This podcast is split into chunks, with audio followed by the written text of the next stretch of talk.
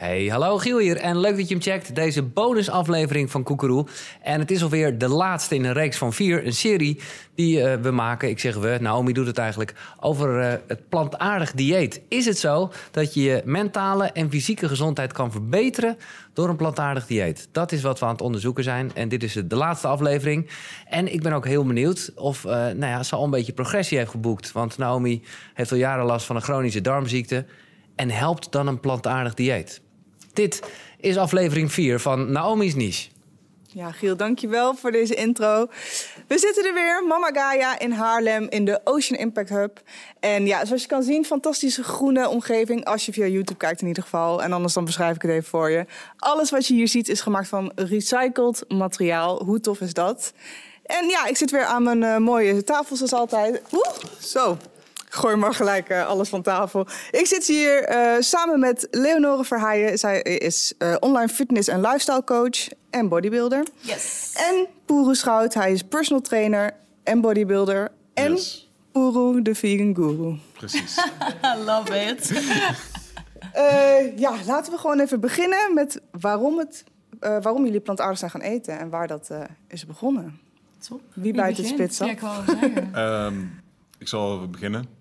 Heel simpel. eh en een half jaar geleden ongeveer nu.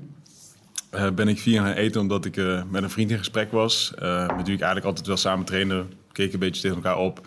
En eh, hij was eigenlijk al eh, bezig met milieuwetenschappen. En kwam toen uiteindelijk via een eh, thesis, oftewel scriptie die hij aan het doen was, eh, op een stukje dat hij dus eigenlijk minder rundvlees wou gaan eten, omdat het slecht was voor het milieu. En zodoende kwam hij nog meer informatie tegen en heeft hij met mij gedeeld. Eh, toen heb ik een filmpje gekeken eh, van Dr. Gregor. En na dat filmpje heb ik gekeken waarin eigenlijk werd uitgelegd dat je gezonder kon zijn doordat je plantaardig kon eten. Dacht ik, dat moet ik gaan uitproberen voor mezelf en ook voor mijn klanten. Eh, want ik was personal trainer toen ook al. Geprobeerd. Eigenlijk na het filmpje te kijken, twee weken later. Want ik had net voor twee weken lang vis besteld. Die heb ik eerst opgegeten. en toen ben ik eigenlijk gelijk cold turkey begonnen. En toen ben ik nooit meer teruggegaan. Je had een filmpje gekeken, zei je, waar, waar ging het ook alweer over? Over, Over of- eigenlijk alle, ja, eigenlijk alle leading, leading diseases, zeg maar. Alle, alle ziektes die momenteel gewoon ja, bovenaan staan en die ons eh, ombrengen of waarvan we echt eh, ja, chronisch gewoon last hebben. En dan gaat het over hart- en vaatziekten, dan gaat het over eh, diabetes. Ja, een beetje alles komt, komt er wel terug. Oké. En eh, Leonore, waar is het voor jou Nee, ik ben aan het twijfelen. Het is echt 4,5 jaar geleden. Maar ik dacht dat je al langer vegan was als mij. Als het goed is ben ik vijf jaar vegan. Een beetje de afgelopen anderhalf jaar is de count een beetje, Beetje wazig allemaal. geworden. Ja, mi- misschien dat ik een jaar mis, hè. Maar... Ja, ik wil wel zeggen, volgens mij wel. Maar ik denk zes jaar geleden kwam ik in aanraking met veganisme. Ehm, ja, ik zag eigenlijk eh, allerlei documentaires, zoals Cowspiracy en Earthlings. En voor mij was het echt, de eerste was dus Cowspiracy. En toen ik erachter kwam wat voor een impact mijn dieetkeuzes hebben op het milieu. Ik was echt in shock, half pissig ook. Ik zei, hoezo weet ik dit niet? Hoezo? Ik heb gewoon aardrijkskunde gehad. Waarom staat het niet in de boeken? Ik was echt helemaal ja, gewoon echt in shock. Dus de eerste reden waarom ik eigenlijk echt ehm, veganisme ben gaan eten is voor het milieu. En daarna ook het ethisch aspect voor de dieren. En persoonlijk voor mij, ja, eigenlijk mijn gezondheid en alles. Ja, voor jou is het heel anders en voor jou misschien, maar mijn gezondheid is eigenlijk echt nul reden geweest. ehm, ja, waar ik ben overgestapt. Al denken mensen vaak anders, omdat ik dus personal trainer ben en zo. Maar eh, nee, ja, echt het milieu en het aspect. Ja. En eh, jullie zijn dus, jij bent ongeveer zes jaar, jij ongeveer vijf jaar, ergens ertussenin. Ja, Corona is even wazig voor ons allemaal. Ehm, maar waren, daarvoor, waren jullie toen ook al bezig met bodybuilding? Of is dat echt pas daarna gekomen? Nee, voor Eh, mij niet. Als in bodybuilding, als in wedstrijden doen, is echt pas daarna gekomen. Eh, ik heb wel ooit de gedachte gehad om mogelijk mee te doen aan een wedstrijd. Nog voordat ik vegan was. Alleen eh, op het moment dat ik eigenlijk aan het dieet was en aan het afval, afvallen was om zo droog mogelijk te worden, voelde ik me eigenlijk zo slecht dat ik dacht, dit ga ik niet doen. Ehm, dus ja, toen is de, ja, was het gewoon exit, zeg maar. Ik heb me ook nooit ingeschreven voor een wedstrijd. Maar het was gewoon alleen al kijken van, kan ik überhaupt zo droog worden om mee te doen? En ja, dat is hem eh, toen niet geworden. Maar je zei, ik voelde me zo slecht. Waar, waar lag dat dan aan? Was je Ehm, ziek of gewoon... Een stukje libido, eh, slaapproblemen, eh, gewoon heel weinig energie hebben. Ehm, en eigenlijk, ja, juist nadat ik dus vegan was geworden en eigenlijk me dus beter voelde, veel meer energie had. was niet direct daarna trouwens dat ik vegan was geworden, maar toen had ik wel zoiets van, ik voel me veel beter. Ik vraag me af of dat ook doorvertaalt naar dat moment, of in ieder geval dat je zo droog bent. Eh, dat dus eigenlijk uitgeprobeerd en erachter komen dat ik me inderdaad wel beter voelde. Ehm, en dus eigenlijk in die zin ook dacht van nou, dan wil ik het ook graag maar gelijk ja, een realiteit gaan maken en een soort van eh, eh, bekrachtigen door mee te gaan doen aan wedstrijden. En enigszins succes. Twee keer eerste, twee keer tweede geworden. Dus. Netjes. Voelt het dan niet voor jou, misschien zit het een beetje een kutvraag, maar, eh, rotvraag. Maar voelt het dan niet eh, alsof je van tevoren had je natuurlijk wel vlees. En daarna ben je dan natuurlijk gestopt met vlees. Maar dan heb je toch al een hele progressie meegemaakt, lichamelijk. ja. Lijkt mij. Heeft dat dan ook invloed gehad op. eh, ja, Wat ik nu heb kunnen bereiken, Ja, zeg maar. Ja. Natuurlijk heeft, heb ik al een basis op kunnen bouwen. maar uiteindelijk eh, voel ik me er zeker niet ja, kloot over. Meer omdat ik eigenlijk heb gezien dat eigenlijk door de jaren heen... eh, wat ik eigenlijk heb gehad is de eerste vier, vijf jaar... dat ik echt wel het idee had van... oké, ik boek progressie, boek progressie, boek progressie. Ik ga vooruit. Eh, met, met betrekking tot een stukje ja, steeds breder worden en steeds verder ontwikkelen. En dat eigenlijk naarmate toen ik op een bepaald soort van blok kwam en eigenlijk niet meer verder kwam. En toen ben ik dus eigenlijk vegan gaan eten. En dat ik van, eigenlijk vanuit daaruit dus eigenlijk nog beter ben geworden. En eigenlijk het idee had van oké, ik kan nu ineens wel weer verder. Eh, en er zijn bepaalde redenen waarom dat is, maar ik denk dat dat straks ook terugkomt. Ja, absoluut. Voor mij is het echt totaal anders Ja? geweest. Eh, ik was altijd maar aan het aankloten in de gym, dus ik ging wel. En ik deed maar wat. Ik was wel aan het sporten en aan het bewegen. En ik had ook heel veel fysio gehad. Maar eigenlijk het punt dat ik volledig, volledig overstapte naar vegan eten... dat is ook het punt geweest dat ik besloot... ik ga, ik ga echt serieus trainen voor bodybuildwedstrijden... om dus te laten zien dat je dit dus op een veganistisch dieet kan.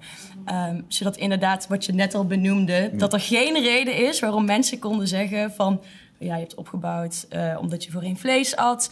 Ehm, dus ja, dat is Want altijd dat was bij jou dus echt absoluut niet het geval. Mm, nee. en kijk, het is natuurlijk anecdotal, maar in het begin vond ik het super eng om dus natuurlijk zo hard te gaan trainen en veganistisch te eten. Want ik was ook bang van, ja, weet ik veel. Ik denk dat het kan. Ik denk dat ik overal eiwitten uit kan halen. Maar er was nog helemaal super Toen weinig mensen die het nee, deden, inderdaad. Dus het was ook wel spannend. Maar uiteindelijk, ja, net zoals Boeren al zei... ehm, en het is dus ja, helaas geen metastudie, maar anekdote vanuit mij. Ook bijvoorbeeld mijn laatste wedstrijdprep duurde zes maanden. Waarbij ik elke maand een eh DEXA-scan afnam. Dat is een soort MRI, waardoor je letterlijk ziet waar je spiermassa zit, vetmassa zit en dergelijke. En je ziet gewoon letterlijk in die zes maanden dat ik in totaal 12,5 kilo vet was verloren. En 4,5 kilo spiermassa was aangekomen. En 4,5 kilo klinkt als weinig, maar jij weet ook, als natuurlijk atleet, halve kilo spiermassa per maand is echt fucking top. En het feit dat je ook nog eens in een tekort zit, dus vet aan het verliezen bent en dat opbouwt. Ja, weet je, voor mij was het gewoon klaar. Ook vooral met die dacht ik, ja, weet je. Ja, Ja, ja, ja. ja. ja. Life-changing. En Ja. voor, niet alleen voor, voor jullie natuurlijk, maar ook Nee. voor iedereen die dit ziet, ja. eh, dat dit mogelijk is. En het is 2021. In mijn ogen is het echt zo vanzelfsprekend dat eigenlijk iedereen eigenlijk gewoon al weet van kom op. Je Dit zou kan gewoon Iedereen weet gewoon dat het kan. Er zijn zoveel, ja, precies, Ja. zoveel voorbeelden. Want hebben jullie om je heen ook echt heel veel mensen die eh, dit op deze manier doen? Of Eh, nee, nog steeds niet. Nee. Nee. nog steeds niet. Ik denk dat het echt een, eh, echt een hele vastgeroet- vastgeroeste gedachte is. Dat je echt gewoon vlees nodig hebt eh, om ja, spieren op te kunnen bouwen. Ik bedoel, toevallig die vriend van mij, die is echt gelijktijdig met mij gewoon ja, vegan gegaan toen de tijd. Ehm, en hij heeft ook uh, bodybuilder wedstrijden meegedaan. En eh, ja, die heeft ook best wel goed gedaan. Ehm, maar uiteindelijk hebben wij denk ik ook alle twee echt nog wel juist echte progressie daarna nog eh, kunnen boeken. Terwijl we dus uiteindelijk vegan waren die we voorheen niet hadden geboekt. En normaal gesproken, ja, hoe langer je traint, uiteindelijk hoe minder progressie er is. Weet je, als ze zeggen wel eens vaak, oh deze man gaat al tien jaar. Ik zie hem niet echt veranderen. Weet je wel, en ja, er komen steeds meer geruchten van, hé, hey, volgens mij eh, eh, klopt iets niet met wat jij doet. En dan bedoel ik op zeg maar de negatieve wijze zeg maar, van, het zou misschien ergens anders vandaan komen. Oh, zo. Dus ja. Maar ik denk dat we stiekem ook wel nog extra... De magic touch is denk ik ook wel dat wij als vegans in de bodybuildwereld... Ja. Kijk, iedereen is super gemotiveerd. Iedereen zet alles op alles. Maar persoonlijk bij mij was het... Ik moet minimaal top 3 halen. Want als ik niet top Ja. 3 haal, 100% Ah, zeker... de dan gaat bewijsdrang. 80% van inderdaad... Ja, gaat dan eh, iets- gaat gaat dan zeggen, iets oh ja. Dus zie je wel. wil echt ja, gewoon- Het echt gewoon moet top, minimaal top. top 3. Want Ja. als je het niet haalt, dan gaan mensen zeggen, zie wel. Ja, Nou, zijn gewoon gigantische. Ja. vooroordelen daarover nog Dus steeds. we wilden wel die extra misschien... Ja. Nee, maar dat, dat, sowieso. En één, één, keer, één wedstrijd was ook wel... Ja, toen, toen die laatste werd ik tweede. En eigenlijk voelde het zeg maar super kut. Eh, maar ja, zeg maar tegelijkertijd, dus tegelijkertijd was ik wel zo van... Oké, weet je... ik hoop niet dat mensen nu denken dat dat daarom is. Want uiteindelijk Ja, is bodybuilding echt een mega subjectieve sport. In de zin van, Hallo tweede, kom op. ja, het, Ja. het, ligt eraan, het ligt er maar net aan wie de judges zijn en wat ze precies zeg maar zouden willen. Nou, ja, de tweede principe- plek, dat klinkt in mijn Ja, ogen wel echt Ja, maar goed, het- maar Ja, ik zit het. hier, top drie, top drie, kom Ja, op. echt een strever. Jij Ik, ik denk dat het net zoals bij judo, weet je wel. Van eh, derde plaats voelt beter dan tweede plaats, weet je wel. Oh ja, ja, ja. ja Dan ja. beter Dan goed heb je nog net verloren. een overwinning gehad. Ja, precies. Oh ja, ja. Ehm, laten we even eh, gaan duiken in de fysieke veranderingen. Die er komen op het moment dat je dus van vlees eten naar plantaardig eten gaat. En je hebt puur gewoon echt lichaamssamenstelling. Gewoon van spiermassa ten opzichte van vetmassa. Ja, precies. Nou ja, eigenlijk persoonlijk... eh, weet je, je kan precies... Als je echt fysiek kijkt, dus niet naar de binnenkant van hoe Ja. gezond je bent... maar Ja, echt ja. kijkt naar het spiermassa en het vetmassa... Persoonlijk, wat ik heb meegemaakt en om me heen zie... is dat je gewoon, als je dierlijke producten eet of niet dierlijke producten eet...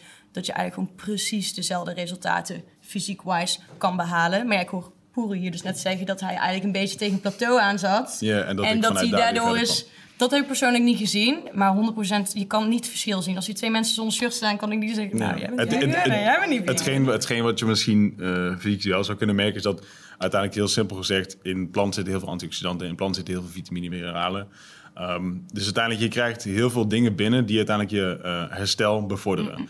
En in die zin denk ik dat het grootste verschil hem zal zitten... in dat eigenlijk een veganist die eh, gewoon harder kan trainen... en waarschijnlijk net iets vaker kan trainen... en daardoor ook zeg maar net iets sneller progressie zou kunnen boeken. Maar als je ze één op één naast elkaar Ja. zet... zou je natuurlijk niet je direct niet kunnen zien. zeggen... Nee. Behalve dat iemand misschien reageert op iets wat bijvoorbeeld Ja. dierlijk is. Of reageert op iets wat, Ja. eh, wat vegan is. Waardoor je bijvoorbeeld ziet van, oh, hij heeft last van dit of last van Ja. dat. Maar Ja. over het algemeen, als je ze direct naast elkaar zet, zie je het niet. Nee. Maar op de lange termijn, in principe, is je herstel gewoon bevorderd. Dus eh, is dat natuurlijk een enorm voordeel. Want ja, hoe dat vaak komt je dus kan door trainen, die hoe sneller je... antioxidanten en zo. die Precies, onder andere door de antioxidanten inderdaad. Ja, je zou echt eigenlijk gewoon een studie moeten doen met echt identical twins. Ja. Om misschien dat te kunnen zien. ja. maar echt op blote zien. oog moet je echt MRI Dus het, is gewoon lastig Ja. om te zeggen. Als je echt naar het fysiek kijkt, Nee. naar het plaatje, kun je het misschien Nee, het is, het, is onmogelijk. niet dat je, het is dat niet dat je grote schouders krijgt van, eh, van, eh, van de spinazie Nee, maar dacht misschien zeg maar... Die- oh, nee, nee, onderarm, onderarm, hè. Dat is toch-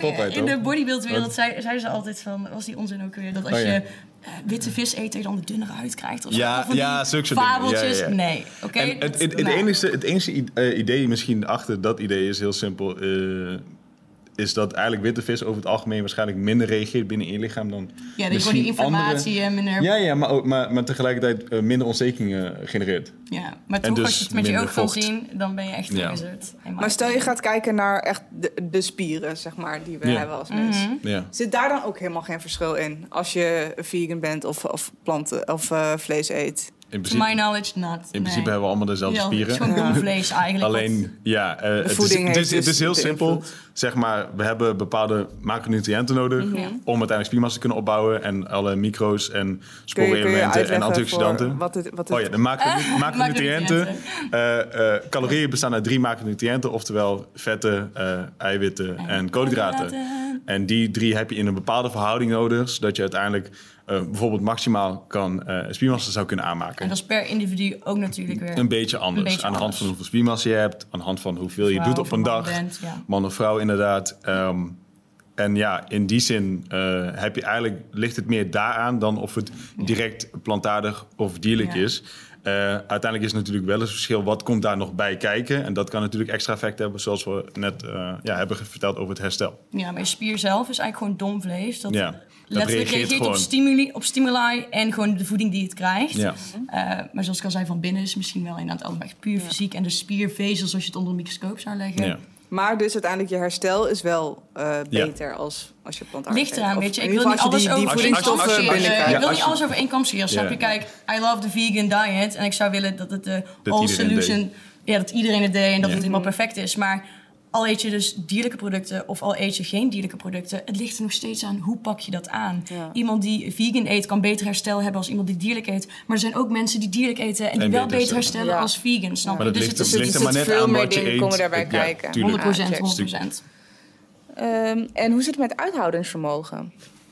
This is you, man. Ik gewoon niet- Eh, in, principe, in principe eh, stikstofoxide, oftewel nitric oxide, oftewel eh, dingen die bijvoorbeeld dus in spinazie zitten, rode bieten. Daar heb je vast wel eens over gehoord. Ehm, Dat wordt allemaal omgezet in je lichaam, die nitrates. En daardoor kan je uiteindelijk, in principe gaan je bloedvaten wijder openstaan. Kan je meer zuurstof eh, rondbrengen, makkelijker. Waardoor je uiteindelijk beter kan presteren. Ik bedoel, het is niet voor niets dat we eh, meerdere malen al hebben gehoord. Tenminste, als je ooit Tour de France hebt gevolgd. Over mensen die EPO doen, of eh, in ieder geval bloeddoping dus. En uiteindelijk om meer rode bloedcellen binnen te krijgen. Uh, maar simpel gezegd, als jij beter jouw bloed kan circuleren door je lichaam, dan krijg je dus ook meer zuurstof op de plaatsen waar je het nodig hebt. En heb je in principe een beter cardio.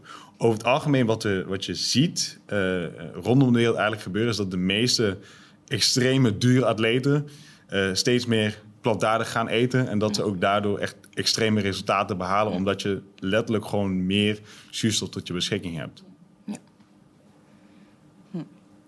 Moet je als je zeg maar als vegan sporter echt op hele andere dingen letten qua, qua voeding als. Uh... Wel een beetje. Het is wel meer puzzelen.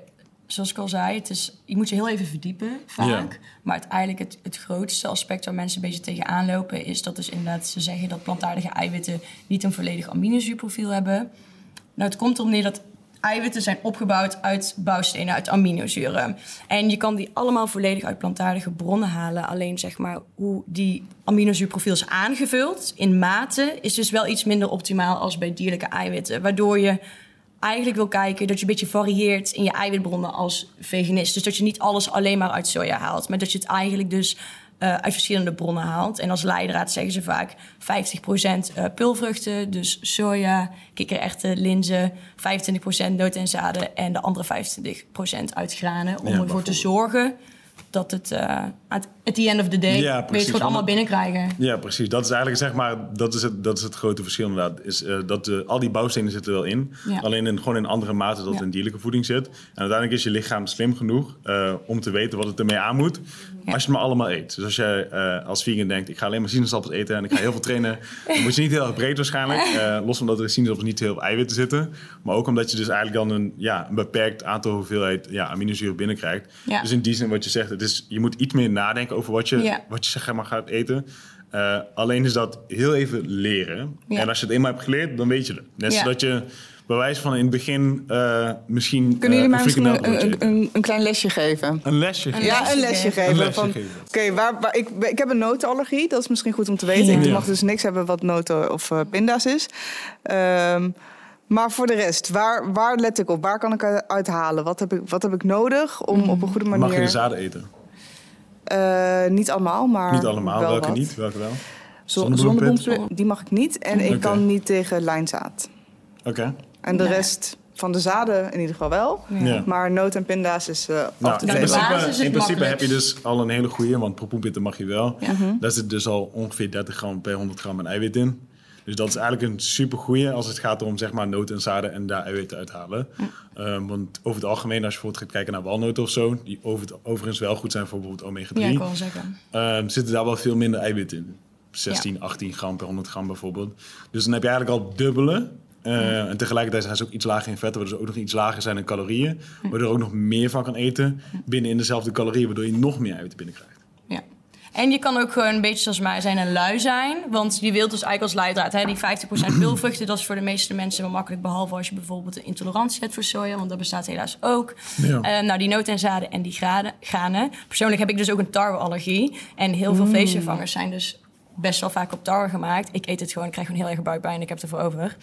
Maar wat je ook kan doen, kijk, tegenwoordig hebben ze best wel goede uh, plantaardige eiwitshakes. Die zijn dus ook opgebouwd uit vaak echt en rijst en hennep. Om ervoor te zorgen dat eigenlijk het aminozuurprofiel al beter is. Ja. En vaak voegen ze ook nog leucine toe. En eigenlijk leucine is ook een beetje een dingetje, net zoals met de BCA's, voor een plantaardig dieet. Die is wat lastiger binnen te krijgen. En je wilt die per maaltijd, als je eiwitten eet, ook voldoende binnenkrijgen. Dus persoonlijk Weet je, ik vind het ook gewoon makkelijk om me te dekken door sowieso één keer per dag heb ik gewoon een eiwitpoeder ja. waar het allemaal in zit. En dat dekt al heel veel. Kijk, je kan allemaal puzzelen en alles helemaal gaan uitzoeken. Um, maar ja, weet je, ik denk elke andere bodybuilder die ken, die eet, heeft ook gewoon een shake. Dus waarom als wij als vegans het doen, is het gelijk van, zie je wel, ik kan ja, helemaal zo, je hebt een shake nodig. Zo van, inderdaad. oh, je hebt ja. iets nodig om, om het erbij Maar het is te wel nemen. fijn, want daar zit het ja. vaak al allemaal in verwerkt. En dan heb je al best wel een groot gedeelte van de basis gedekt. Als je daarnaast ook pulvruchten Ja, en inderdaad het is wat zeg maar, dus, dus de, de simpele en in principe hele handige optie voor het Ja. gros van iedereen die ermee bezig is en die Ja. genoeg eiwitten binnenkrijgen. Een Ook voor weinig calorieën. En voor weinig calorieën inderdaad. En ja, wat je al zei, ehm, toen ik vlees at, nam ik misschien wel twee, drie shakes op een dag. Eh, waarom zoveel? Geen idee. Maar er wordt heel gek naar gekeken van, oh, maar jij hebt een eiwitshake nodig. Maar volgens mij letterlijk bijna elke jongen die in de sportschool bezig is, die heeft thuis een pot met eiwitten staan. Die waarschijnlijk direct na zijn training naar binnen loopt te drinken, Maar zei in het begin ook, dat ik, ik vertikte het bijna in het begin Om- om, om dus een shake of een shake te nemen of supplementen, omdat ik echt was van, motherfuckers, ik ga gewoon laten zien dat het gewoon kan zonder al die dingen, want En het kan, is hè? zo raar. Ja, het kan Het zeker, kan, maar het is je gewoon moet- je meer gewoon- werk. Het is meer werk. Ja, dat het kost meer tijd en energie en ik ben gewoon een beetje lui soms, dus ik... En Oké, stel je doet het, doet het zonder die, die supplementen. Wa-. Waar let je dan op? Ehm, Als je ja, het geheel do- met voeding doet? eh, Heb je vooral, nou over het ja. eiwit of over alle voedingsstoffen? Nou ja, je, je, je had het net volgens mij specifiek over de eiwitshakes. Ja. Maar Ja. stel dat je echt zonder, zonder die eiwitshakes of, eh, of iets wat daarbij komt kijken. Nee, dat wil doen. persoonlijk, met leucine is het best wel Wat, wat lastig is leucine om daar... precies? Dat is een bepaald aminozuur, dus een van de bouwstenen. Ah. En die geeft En een startsignaal aan ons lichaam. Van, Van hey, eiwitsynthese mag starten, dus nu ga je spiermassa groeien en aanmaken. Dus voor mensen die ook dierlijke producten eten, moeten ze gewoon een bepaalde hoeveelheid eh, gram eiwit per maaltijd eten Ja. om die leucine-drempel te overschrijden. En je ziet dus bij vegans dat we of echt heel veel meer eiwitten moeten eten, of we kunnen dus iets van een BCA of leucine supplementeren. Of in de Ja. shake zit het Maar al om het ook te starten. Het ligt er maar net aan. Uiteindelijk, ja, het is, het is vooral wat lastiger door te kijken van... oké, welke voedingsmiddel heb ik nou precies nodig? Ja. Maar in principe, als je gewoon door de dag heen echt... eh, stel je voor, ehm, je 1,6 tot eh, eh, 1,8 gram aan eh, eiwit per kilogram lichaamsgewicht zou eten... en je doet dat eh, met, de, met de 50, eh 20... 20 zijn er? 25, 30 regel? Oh ja, de 50, 50 Ja, in ieder geval 25. peulvruchten 50, Mhm. eh, granen en noten en zaden. Als je daar in principe ja, alles gewoon uithaalt. En als je perfect, daarop let, in principe haal je dan gewoon wat je zou Ja. moeten halen. En je moet eigenlijk, je moet eigenlijk kijken voor jezelf, oké, wat eet ik? Wat vind ik fijn om te eten? En vanuit daaruit kijken van, oké, waar zit veel, bijvoorbeeld veel leucine in? En dan kan je dat nog extra eten. En een van de dingen die terugkwam in de vorige aflevering was over Chronometer. Ja. En daarin kan je dat bijvoorbeeld dus ook opzoeken. Ja. En dat is dus ja, een app waarin dus letterlijk staat van... eh, voor die belangrijke aminozuren, hoeveel er dan ook in zit. Dus daar kan je ook heel makkelijk in terugvinden. Ja. Ah, ja, check. Dus ja, ik ben ik vandaag begonnen met Casper. Hij gaat mij daar een beetje in, eh, in begeleiden. Oké, Ja. Dus, eh, nice. Maar uiteindelijk, ik denk ook dat we zijn soms zo erg aan het focussen op alle kleine details, dat we eigenlijk het fundament eigenlijk eventjes Vergeten. vergeten.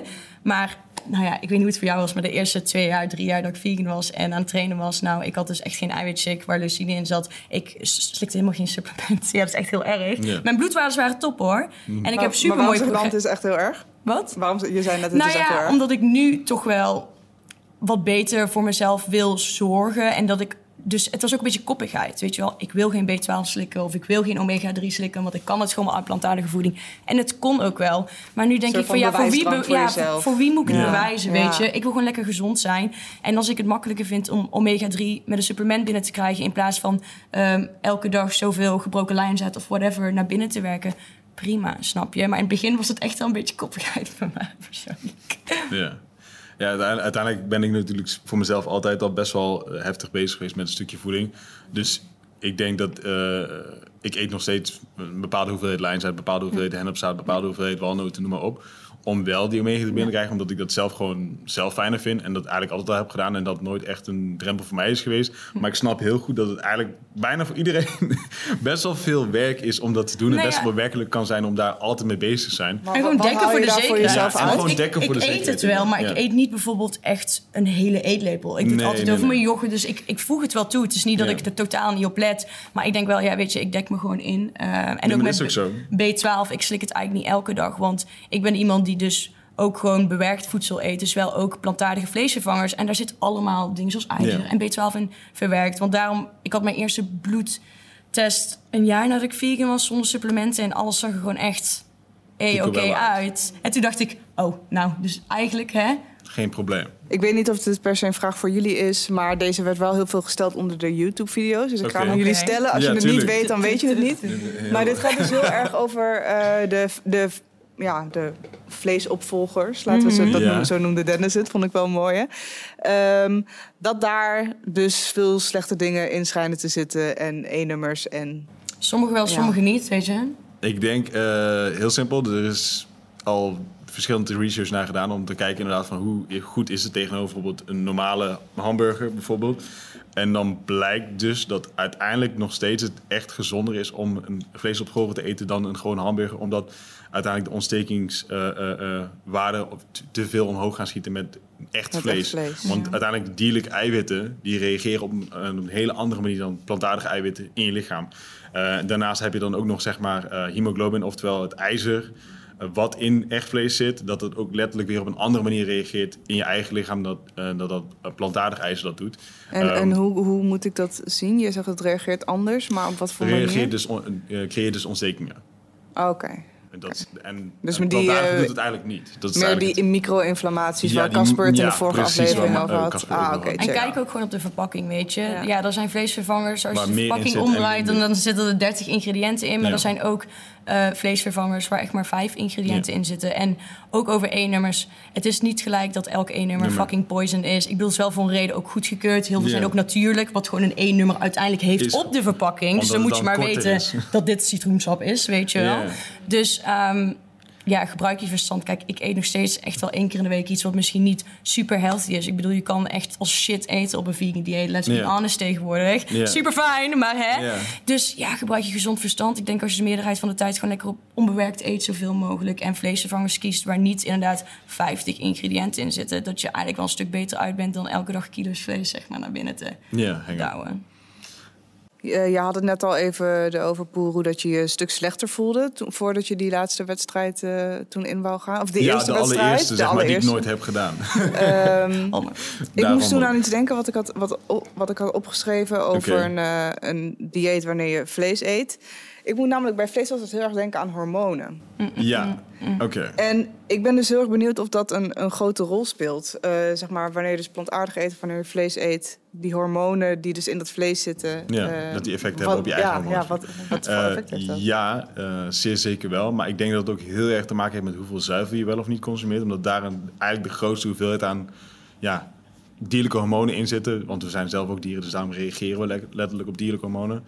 Het grappige is dat heel veel mensen heel erg bang zijn voor eh sojahormonen. Oftewel het eh eh phytoestrogen, oftewel fytoöstrogeen. Jullie dus het, het oestrogeen. Elk man denkt dat ze borsten krijgen in één keer. En dat is the end of the world. Ik zo, it's okay, chill the fuck now. Het, het hormoon is wat dus in, in soja zit, maar dat is dus een plantaardig hormoon. En het grappige is, deze reageert dus met andere receptoren dan dat dierlijke hormonen dat zouden doen. En zorgt eigenlijk ervoor dat ons eigen systeem qua hormonen, qua oestrogeen, nog beter gereguleerd wordt. Dus dat we nog minder snel extra eh oestrogeen, zeg maar, eh, dat we daarmee überhaupt reageren. Ehm, Maar dus wordt- oestrogeen is ook niet een bad guy trouwens, is- hè? Want nee, dat nee, is ook het is weer meer- zo'n het is meer ding. dat, Moet dat in balans de, zijn. de extra, zeg maar, niet meer zomaar binnenkomt. Ehm, dus het is niet per se een bad guy, die maar zit dus meer in, in vlees dan in ja, die zit dus in vlees en vooral heel veel in zuivel. Ehm, ook omdat, ja, het is letterlijk eh, voor een Ja, baby koe om gewoon Ja, in no time in fucking no big te time worden. super ja. groot te worden inderdaad. En eh, dat, ja, dat, het is gewoon aangetoond dat, dat je letterlijk ziet van iemand drinkt een glas melk of neemt iets van zuivel tot zich. En dat je letterlijk ziet van oké, die testosteron gaat gewoon omlaag, de, de vrije testosteron zeg maar, in het bloed. En ja, dat is echt wel een verschil. Ja, ik moet dan ook gelijk denken aan... En uiteindelijk is het niet dat, dat, dat één ding zeg maar alles bepaalt, maar het is uiteindelijk alles samen Ja, natuurlijk. hè. Ja, wat zeggen- uiteindelijk een bepaald resultaat Ja. geeft. Dus het, is, het is niet, dat, oh, je drinkt één een is een glas melk gedeelte. en je gaat... ja. En voeding maar- is een gedeelte. Ik bedoel, als we gaan kijken naar iemands hormoonhuishouding, zijn er zoveel factoren die daarmee Ja. spelen. En Zeker. voeding is daar een groot gedeelte van, maar zeker niet alles, nee. Ja, ik kan me een, een aflevering van Koekeroe herinneren. Volgens mij was dat met Vivian Reis.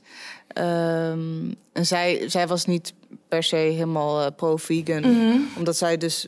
Volgens mij zei ze iets van... het heeft invloed op je menstruatie. Oh. Ehm, ik weet heb jij daar ooit iets van ge- gemerkt? Ehm, nou, weet je, al eet je vegan of al eet je niet vegan, er zijn dus heel veel factoren die komen kijken bij een gezonde cyclus. En dit gaat van stressmanagement, niet alleen fysieke stress, maar ook mentale stress, beide. Eh, over dat je genoeg vetmassa op je lijf hebt. Zodat je lichaam zich veilig voelt om eigenlijk zwanger te kunnen worden. Want daar is eigenlijk onze vetmassa gewoon een energiebron. En vrouwen hebben gewoon 10% meer vet als mannen. Omdat wij gewoon letterlijk... Hè, our creation is to be, to give life to the world. Ehm, daarnaast wil je voldoende calorieën binnenkrijgen. Daarnaast wil je dus inderdaad hè, alle macronutriënten. Dus koolhydraten, eiwitten, maar vooral ook vetten binnenkrijgen. Dus het gaat echt om je gehele dieet. 100%. Precies. En ik denk Ja. Echt staat echt los dat... van een stukje. Ja, en je Ja. ziet wel vaak als mensen wat meer hormoonprofielen gaan eten, dat ze vaak paleo gaan en dat ze inderdaad wel heel veel onbewerkt eten. Want het gaat echt wel over eh, dark leafy greens, ehm kruisbloemige groenten zoals bloemkool en broccoli en dergelijke. Maar het is niet zo dat als je vegan gaat eten, dat je hormoonhuis... En kijk, waar het hem in zit, is misschien de OG vegans. Die waren heel erg van de high carb, low fat eh, Ja, community had je. En als jij super laag in je vetten zit, dan is dat gewoon echt detrimental voor je hormoonhuishouding eh, en voor je hormonen en voor je menstruatiecyclus. Dus daar zie je wel vaak dat mensen de fout in gaan. Of ze nou vegan zijn of niet. Je wil voldoende gezonde vetten eten. Op je omega-3 inderdaad letten. Dat die Dat ratio... zijn dus die noten en Ja. zaden ja, en zo. dat het in ratio is met omega-6 ook. Precies. En het grappige is, kijk, ik ben natuurlijk geen vrouw, maar ik heb meerdere vrouwen wel gecoacht. En eh, eh, het grappige is wat ik eigenlijk ben tegengekomen, is dat op het moment dat ik dus eigenlijk ze begeleid eh, en ervoor zorg dat ze dus heel gezond, goed vegan gaan eten, eh, dat vooral bij de vrouwen die dus eigenlijk in de, eh, tegen de menopauze aanzaten of de, dus inzaten, dat ze eigenlijk een soort van vooruitgang voelden in dus hun overgang. symptomen dat die eigenlijk afnamen. En dat ze dus uiteindelijk weer een soort van een keer weer, wel weer ongesteld werden. En ik denk inderdaad ook los van de reden dat de vetten laag zijn, onderliggende reden van dat de vetten laag zijn, vaak is dat als, we, als mensen vegan eten, dat ze neigen naar om iets te weinig te eten. Ja, dat ook dus. Want uiteindelijk, uiteindelijk zeg maar, als je, als, je, als je vegan gaat eten, dan denk je, oh, ik ga heel gezond eten. Maar tegelijkertijd kan je er ook voor zorgen dat je daardoor iets Ja. te weinig gaat eten. Ja. En als je te weinig eet, dan Ja. is je lichaam natuurlijk ook niet ready om... Ja, als je Ja. chronisch in een calorietekort zit, dan zie je ook dat er letterlijk gewoon een seintje van je hersens naar je ovaries wordt gestuurd van hey guys, it's not good. Nee, Eh, ga me niet overleren, word maar niet ongesteld. Maar inderdaad de vetten, maar ook inderdaad echt de onbewerkte groentes en dergelijke, zie je echt dat die inderdaad met PMS en menstruatieklachten enorm goed helpen. Dus ehm, sorry, maar ik ben het er niet mee eens. Nee, maar Dat dat, is, nee, maar dat is vegan- supergoed. Nee. Maar het Ja. kan, het kan gebeuren inderdaad. Als je te weinig eet, Ja. niet op je vetten let en gewoon alleen maar komkommer en sla en geen idee wat je aan het doen bent, ja, dan kan je inderdaad problemen krijgen. Dus, maar dat is ook op een dierlijk dieet. Dus ik denk bij beide, je wilt gewoon opletten. Ja, je moet, gewoon, je moet sowieso gewoon opletten wat je doet. Ja. Jij noemde net even broccoli. Broccoli! Ja, ik haal het even ja. tussenuit. Eh, ik had op mijn- mijn kaartjes geschreven... ehm, dat, dit is toch wel voor mij echt een beeld wat ik heel veel zag in de sportschool. Kip, broccoli en rijst. Ja. Dit De is eeuwenoude echt... Zo- mythe, zeg maar. Ja, de eeuwenoude Zo mythe. achterhaald. Ja. Ehm, ja, wat, wat vinden jullie daarvan? Ja, jij Nou, zegt wel heel achterhaald. Ja, weet je wat het is? Daar had Poero net ook al eventjes over. Zie ons lichaam eigenlijk gewoon als een emmer die gevuld moet worden met water. Ons lichaam heeft een bepaald aantal calorieën nodig, een bepaald aantal macronutriënten, die koolhydraten, die vetten en eiwitten, en mineralen en vitamines. Hoe die uiteindelijk binnenkomen, ons lichaam maakt er geen onderscheid in, zolang je het maar binnenkrijgt. Dus het feit dat, ja, ja het is zo achterhaald, ik kan niet Het, echt... het idee dat je in principe alles uit rijst, broccoli en kip kan halen is... Ja, staat Is- natuurlijk helemaal nee, nergens ja. Het grappigste was nog dat toen ik dus eh, vegan wou gaan... en dus voor mezelf alles ging uitrekenen... eh, nog net voordat ik was gestart...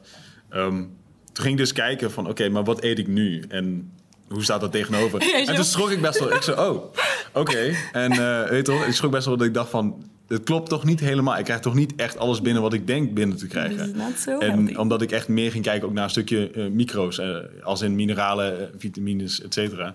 Ja. Ehm, en dat je, toen ik eigenlijk dus alles was gaan invullen wat ik zou moeten eten, volgens het super mega healthy gezonde vegan dieet wat ik dan had opgezocht, ehm, van, ook van die dokter dus weer, eh, dat ik echt zag van, oh, dus alle balkjes zijn groen, die groen moeten zijn. Nou, nou, stop, weet je. En dan, ja, alsnog hè, die eerste maand, ik was echt serieus bang dat ik dacht van, oh, ik word zo dun. Maar is ja, kijk, als je het hebt over het fysieke aspect. Ja, jij kan op rijst, broccoli en kip... kan jij gewoon precies hetzelfde fysiek hebben als iemand die van binnen super gezond is. Kijk, onze fysieke uiterlijk heeft geen directe correlatie met hoe gezond wij van binnen zijn. Zo heb je sumo-worstelaars die overgewicht hebben met super mooie bloedwaardes. En zo heb je inderdaad mensen die er super fit en ripped uitzien, maar van binnen echt verrot zijn. Dus ja, je kan spiermassa opbouwen en droog trainen op kip, broccoli en shakes. Maar of dat nou zeg maar uiteindelijk is wat je wil en het Ja, meest of je daar fijn gezond bij gaat is, voelen. dat is een heel ander verhaal, ja. Ja, Want het heeft natuurlijk weer op heel veel andere eh, dingen in je leven ook invloed. Toch? Als je zo weinig binnenkrijgt. Ja, Zeker, ja, jij zei net ook al een stukje libido bij de Ja. eerste keer toen je nog op dierlijke producten had. Maar dat zie je sowieso bij mensen. Als je gewoon laag in je, in je vetten zit, ja, je libido die gaat gewoon, die daalt gewoon. En ook voor vrouwen vooral, eh, die bijvoorbeeld op een podium staan voor bodybuildwedstrijden, zie je heel vaak dat de menstruatie inderdaad uiteindelijk weggaat. Omdat dus hè, die reserves er niet meer zijn. En jouw lichaam is gewoon letterlijk van, we gaan niet zwanger worden, we worden niet meer ongesteld. Je hebt ook helemaal geen zin meer in seks. Ehm, dus ja, je ziet het wel echt... eh, en dat heeft nogmaals niks te maken met vegan. Maar echt Nee, alle vrouwen gewoon- die wedstrijden doen, die hebben daar gewoon last van. nou, niet allemaal. Niet allemaal? Ik, eh, ik werd wel Veel. nog gelukkig ongesteld, maar het komt wel heel vaak voor, inderdaad. Eh, dus ja, dat is ook weer, ja, of je dierlijk of vegan eet, dat is meer inderdaad wat jij al zei. Niet zozeer het voeding, maar meer gewoon hoe je ervoor staat. Het is, een topsport is nooit echt gezond. Wedstrijdsporten zijn eigenlijk toch net Altijd iets... een beetje... Het is allemaal te- eigenlijk net iets te Net heftig. iets te, ja, te veel. We hebben het net al eventjes gehad over de, de eiwitbronnen. Maar ik wil er even iets, iets eh, dieper induiken. Eh want het zijn er nogal wat. Toch? Ja. Ik bedoel, eigenlijk heb je, volgens mij, voor mijn gevoel heb je als, eh, als vegan of plantaardige eter veel meer keuze. Of is dat Ja, niet zo? Dat zou je wel denken, want eh, Zo lijkt als, het niet, wel. als niet-vegan denk je... oh, kip, dat is eens waar eiwit is. Oh, wacht, ja, volgens mij in rundvlees ook. Ja, maar ik denk ook dat mensen heel erg... Die zien inderdaad dierlijke producten als eiwitbronnen. Maar als je het gaat trekken en bij gaat houden... kom je erachter van... wow, in mijn broccoli, in mijn rijst, in mijn havermout... in dit, in Overal dat. zit het in. Als je Ja. dan aan het einde kijkt, aan het eindtotaal van de dag... dan denk je, oh damn, ik heb eigenlijk best veel eiwitten binnengekregen... zonder dat ik daar überhaupt heel Ja, erg mijn best voor heb ja. hoeven te doen. Eh, kunnen we, laten we er een paar opnoemen. Plantaardige eiwitbronnen. Weten jullie ook hoeveel erin zit? Stel dat oh ik my het god, uit mijn hoofd. Beluga lenzen, Als ik, 27 ze, gram als ik ze 100 zeg, gram. kan jij dan zeggen hoeveel gram erin Oh, zit? ik, ga, ik, ga, ik ga het gewoon proberen. Ja? Nee, ja, ik- Oké, dus als, als, eerste, als eerste zeg maar... in plaats van rijst, linzen... en dan vooral beluga linzen... 25, 27 gram per 100 gram eh, aan ei- eiwit zit erin. Maar in rijst zit ook gewoon eiwitten trouwens. Dus dat is Ja, ook een maar het zullen ongeveer 7 gram per eh, 100 gram zijn. Dus dat is best wel een groot verschil. Mhm. Dus als je alleen al dat zou verwisselen... heb je misschien al bijna je kip eruit gehaald. Ja, ja, denk het ook. Maar ja, gewoon echt de basic. Ja, voor mij is het zo vanzelfsprekend. Dus je gewoon Havermout, tofu, 14 gram. Havermout inderdaad. Schrok de eerste keer ook van Ja. een paar jaar geleden. Ik dacht, oh damn, hier zit eigenlijk nog best wel veel in. Ja, noten, zaden. Ja, vleesvervangers inderdaad zijn ook heel goed. Ik bedoel, die Vivera nepkip, daar zit volgens mij 20 gram eiwitten in voor 120 calorieën. Nou ja, volgens mij een echte kip, ik weet het niet eens meer. Ja, en dat is ongeveer ook weer 20 gram per 100 gram. Ja, vergelijkbaar met een normale echte kip. Ligt er een beetje aan welke je waarschijnlijk hebt. Hoe volgespoten die is met water waarschijnlijk. ja, precies. Want eh, eh, vleesopvolgers worden niet volgespoten met Met water. water. Dus eh, je krijgt niet de neppe eiwitten binnen. Als in, de, ehm, ja, heel simpel. Ik zou gewoon zeggen, daar zit er dus ook best wel wat in. Eh, Maar kleine oh ja, switches maken echt wel een groot verschil hoor. Ook Want al door bijvoorbeeld, ik pak dan rijst en ik doe daar. Kijk, je hebt bloemkoolrijst. Maar iedereen weet dat bloemkoolrijst is echt niet smaak, hetzelfde smaakt als echte rijst. Like, don't, let's stop. Maar als je bloemkoolrijst dus door je rijst doet, krijg je en meer vezels binnen en ook weer een beetje meer eiwitten. Als je Ja. bijvoorbeeld in plaats van rijstwafels kikkererwtenrijst. Het klinkt heel stom. Het zijn misschien per maaltijd 2 tot 5 tot 10 gram extra. But at the end of the day, als het allemaal samenkomt... komt er, komt er echt gewoon veel bij elkaar. Ja. Waardoor je uiteindelijk ziet van... Dat is ook inderdaad wat heel veel mensen vragen van... Oké, maar waar haal je dan je eiwitten? Uit alles. Uit bijna echt Uit alles. wat, wat ik eet, Behalve zit eiwit vetbronnen. En, Ja, eh, precies. ja. En eh, één ding wat ik, wat ik ook wel Sinaasappels. gelijk wil noemen... Ja, ja, is iets simpels. Nee, edelgisvlokken. Oh ja, top. Edelgisvlokken Voor zeg B12 maar, ook. is... eh, ja, ook voor Ah, B12, ook B6. Eh, er zit heel veel B-vitamines in. En Nooit heel veel ijzer. En Oh, nee? heel veel eiwitten. Go get it. Heel veel mensen Oké, hebben die ik heb een mac and cheese recipe. Die moet je gaan echt we- gaan proberen. Die staat op mijn Instagram inderdaad.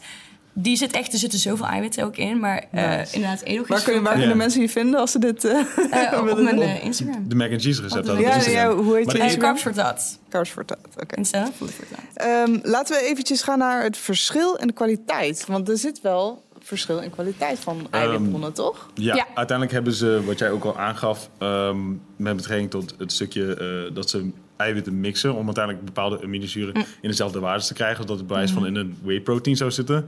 Ehm, ze hebben ook uiteindelijk volgens mij ooit een research gedaan waarin ze letterlijk rijstproteïne hebben vergeleken met whey proteïne. En daaruit hebben ze eigenlijk gehaald dat eh, je als vegan meer eiwit zou moeten eten. Alleen dat is natuurlijk best wel een ja, schuine blik, want je vergelijkt alleen die rijstproteïne met de whey protein. In plaats van dat je zegt van ik Alle eet de hele dag, de ik dag, eet de hele dag iets. Tegenover ik eet eh, de, de hele dag zeg maar eh, vegan of niet vegan. En dan En ik- wat uiteindelijk blijkt zeg maar uit, uit de research zeg maar is dat we gewoon zien dat als je in principe gewoon vegan eet en je krijgt alles voldoende binnen en je krijgt voldoende eiwitten binnen, dat je niet eh, per se sneller ja of eh, minder snel spiermassa gaat aanmaken. Ja. Dat het eigenlijk gewoon gelijk is. Maar dan moet je wel inderdaad ervoor zorgen dat je alles binnenkrijgt wat je Ja. nodig hebt. Ja, en dat is het een Gewoon je beetje... hele, je hele eetstijl die moet Ja. gewoon gebalanceerd Dus Ja, zijn. Moet gewoon studies die maar dat is logisch. Hè? Dat Ja. moet ook, uh, eigenlijk, eigenlijk zou dat ook moeten als je vlees zou eten. In plaats van dat je bijvoorbeeld 's ochtends zou moeten beginnen met een boterham met haagslag. En dat je in de middag een, een weet ik veel, een tosti eet en eh, s s'avonds een hamburger. Nee, ja, dat klinkt niet echt heel erg gebalanceerd. Maar er zijn genoeg mensen die dat wel doen.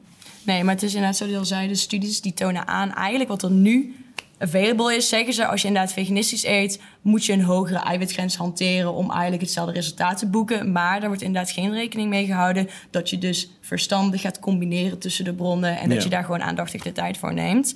Eh, persoonlijk denk ik maar dit is anecdotal. Ik denk persoonlijk dat je inderdaad dezelfde hoeveelheid eiwitten nodig hebt als iemand die dierlijke producten eet. Als je dus, mits je goed oplet, dat je dus al die aminozuren profielen binnenkrijgt. Want zoals ik al zei, net zoals die emmer, ons lichaam is gewoon dom vlees. Die reageert op stimuli en wat het binnenkrijgt. Dus zolang jij dat gewoon ervoor zorgt dat het binnenhaalt, is geen probleem. Alright. Ja, ik heb hier wat vragen staan. En eigenlijk hebben jullie deze al, eh, al benoemd. Eigenlijk hebben jullie gewoon alle allemaal antwoorden al gegeven. Maar ik ga ze toch heel even langslopen. Als je nog Tuurlijk. iets, iets te binnen schiet, eh, roep het dan vooral. Een vraag die ik hier had staan eh, was... kunnen dierlijke producten sportprestaties belemmeren? Nou ja, indirect. Ja, ja, ja. Indirect. Ik, ik denk dat we eh, terug kunnen gaan naar in principe vooral een stukje cardio waar we het over hadden. En dat in principe wanneer je meer eh groentes eet en eh, of een rode biet in ieder geval groentes waar dus nitraat in zit, wat dus om wordt uh, in stikstofoxide, waardoor de aderen verder open gaan staan, dat je dus meer zuurstof binnenkrijgt. In principe dierlijke proteïne en vooral dierlijk vet eh, zorgt eigenlijk meer voor dat eh, je aderen krimpen. Dus het zorgt ervoor dat je minder goed zuurstof binnenkrijgt. Dus als het letterlijk gaat over het stukje cardio, dan is het eigenlijk heel s- onhandig om een hele vettige dierlijke maaltijd te gaan eten voordat je bijvoorbeeld moet gaan trainen of de, de avond ervoor. Maar het ligt ook weer, het zijn nuances. Kijk, als je iemand hebt die inderdaad een bijna standaard westers dieet heeft, die inderdaad eh, kilo's aan vlees en kip en dit naar binnen werkt, tuurlijk, dat is een verschil met iemand die vo- volwaardig plantaardig eet. Maar als we kijken naar topsporters, hè, geloof me, die Ja. hebben gewoon mensen achter hen staan die er echt wel voor zorgen, ook al eten ze dierlijke producten, Dat, ze nog niet, voldoende Ja. andere dat het niet in die mate is dat, dat heel een dat effect gelijk dicht zeg maar. Of daar ga ik van uit, misschien wel. Dus dan hoop ik dat dat niet is. voor die mensen. Ehm, is spierpijn anders bij een, eh, bij een plantaardig dieet? Nee, Nee. nee. ik nou, Nee, spier- ik, ja. ik denk dat sommige mensen misschien zouden denken dat je meer spierpijn zou hebben, omdat ze denken, weet je wel, dat, dat, eh, dat er in een plantaardige dieet niet goede eiwit zit of niet voldoende eiwit zit. Maar dat is natuurlijk gewoon onzin. Ehm, maar ja, het is totaal niet anders. In Nee. principe is het grappige is ook altijd mensen zeggen altijd, oh, wat kan ik doen tegen spierpijn? Dan zeg Ja. ik, eh, altijd trainen wat je altijd hebt getraind en nooit zwaarder gaan. En mensen denken ook dat spierpijn dus een indicatie is van optimale spiergroei. En dat Ja. is dus ook echt totale onzin. Kijk, die eerste twee weken, als je net weer begint, iedereen nu waarschijnlijk, krijg je spierpijn. Maar je wil eigenlijk het minimaliseren. Want dat betekent dat jouw spieren goed herstellen en groeien. Ja. Maar voor een goed herstel was plantaardig eten wel weer goed, toch? Precies. Ja, ja, ja, dat is ook zo. eh, dus uiteindelijk zeg maar... ehm, meer dat met betrekking tot een stukje, stuk, stuk, stukje, een stukje zwelling. In ieder geval tot het, zou in, in principe zou het sneller kunnen herstellen. Omdat je minder van die eh micro-ontstekingen hebt door heel je lichaam. Maar inflammatie is uiteindelijk ook wel weer belangrijk, juist om te hebben. Dus het is echt weer een balans en nuances. eh, Ja. dus dat is lastig om gelijk te pinpointen. Maar in principe spierpijn zelf, ik denk niet dat je heel dit erg anders aanvoelt zo van. Nee. mijn rechterbeen. Het is, het is denk ik meer dat je in een stukje herstel gewoon meer gaat merken van... oh, ik kan sneller, misschien net iets zwaarder. Normaal gesproken had ik drie weken nodig, nu twee weken... om een bepaalde progressie te boeken, kunnen boeken, Ja. zeg maar. ja. Zonder dat je het idee hebt van... oh, mijn lichaam is uitgeput en heeft meer rust nodig. Maar naast de vegan dieet heeft hij dus natuurlijk ook heel veel andere factoren mee maken. Want als je kijkt naar herstel, ook weer slaap, ook weer stress. Dus Ja. dit is ook ja, al die nuances. Kijk, ik ga ervan uit, of ja, ik denk dat de meerderheid van de bevolking zeker positieve effecten haalt uit meer plantaardig eten of Ja. veganistisch eten, 100%. Maar zoals ik al zei, eh, ja, het is not een all cure for all. En ik Nee. denk dat voor heel veel mensen herstel beter kan zijn als ze overstappen van een echt een ja, shitty diet. Ehm, maar again, het is moeilijk om echt te pinpointen van... oké, je hebt sowieso alleen maar door het vegan diëten... da- daardoor is je herstel zoveel beter. Ik denk dat er wel veel factoren bij komen kijken. En bewustzijn. Ik denk dat mensen toch wel Ehm, Ja, als we eenmaal meer gaan zijn. inlezen over... Ja, dan ben je nee, maar bewust over wat je eet en inlezen... bewust over uiteindelijk hoe je uiteindelijk misschien je herstel zou, überhaupt zou kunnen bevorderen. En daar ook ja, meer je weg in gaat vinden. Ehm, ja, dit is echt een vraag. Ik weet sowieso jullie antwoord al. Zijn er dierlijke producten die je mist eh, in combinatie met sport? In combinatie met sport. Ja, met, met, met je beweging, met je fysieke lichaam. Miss my chicken. Nee, Nee. nee. nee. ja. Nee, in combinatie voor ik sport? het- Nee, zeg, nee, vooral in- kijk, als je, als je nou zou zeggen zonder sport, dan zou het antwoord Ja. nog steeds nee zijn. Maar nu moest ik soort van nadenken, omdat ik dacht van, oké, wat... hoe- nou, in het begin, sorry van- hoor.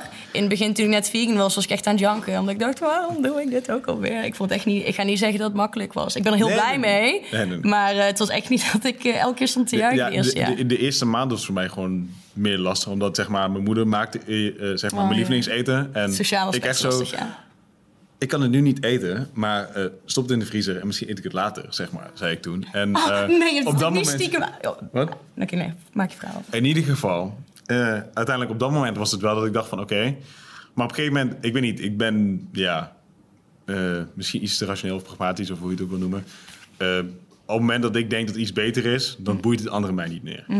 Ja. Zeg maar, Nee, dan, dan, dan, dan, Dan ben je het al lang weer dan ben ik er al dan- niet meer mee niet het En natuurlijk komt die gedachte ooit nog wel eens in me op. Maar het is niet dat ik dan ook echt ga denken... oh, jammer, ik mis het zo of zo. Nee, Totaal niet meer. En nu al heel, helemaal niet meer. Ik denk omdat we... Ja, je bent Maar- sowieso begonnen voor de dieren, wat je ook al zei. Ja, en voor het milieu. Ja, voor het milieu. En ik bedoel, dat doe ik nu ook. Maar Echt heb je nooit, sorry, maar heb je dan nooit dat het gewoon, kijk, ik wil het niet Nu eten of- en ik of mis het niet, maar ik ben dus niet iemand dat als ik nou, als iemand hier bacon aan het bakken was, dat ik het dan denk ik heel erg vind stinken naar een dood lijk of zo. Ik heb dan nog wel dat ik Nee. zeg, oh, dat ruikt lekker, weet je wel. Ik wil het Ja, maar niet dat- nee, eten. maar dat- dat snap ik heb ik, er ook geen neiging naar, maar het is niet in één keer dat ik helemaal Ik denk dat je ervan balgt. ja, sommige mensen hebben het wel. Ik Ja, vind het heel lastig om andere mensen te zien eten. Ik heb altijd, als ik aan tafel zit met mensen, zeg ik... hey, je moet echt je eigen ding doen. Ik ga je niet vertellen wat je wel of niet kan. Nee, precies. Eh, en ik kan dat gelukkig. Maar sommige Ja. mensen vinden het wel echt heel lastig om het überhaupt te zien, inderdaad.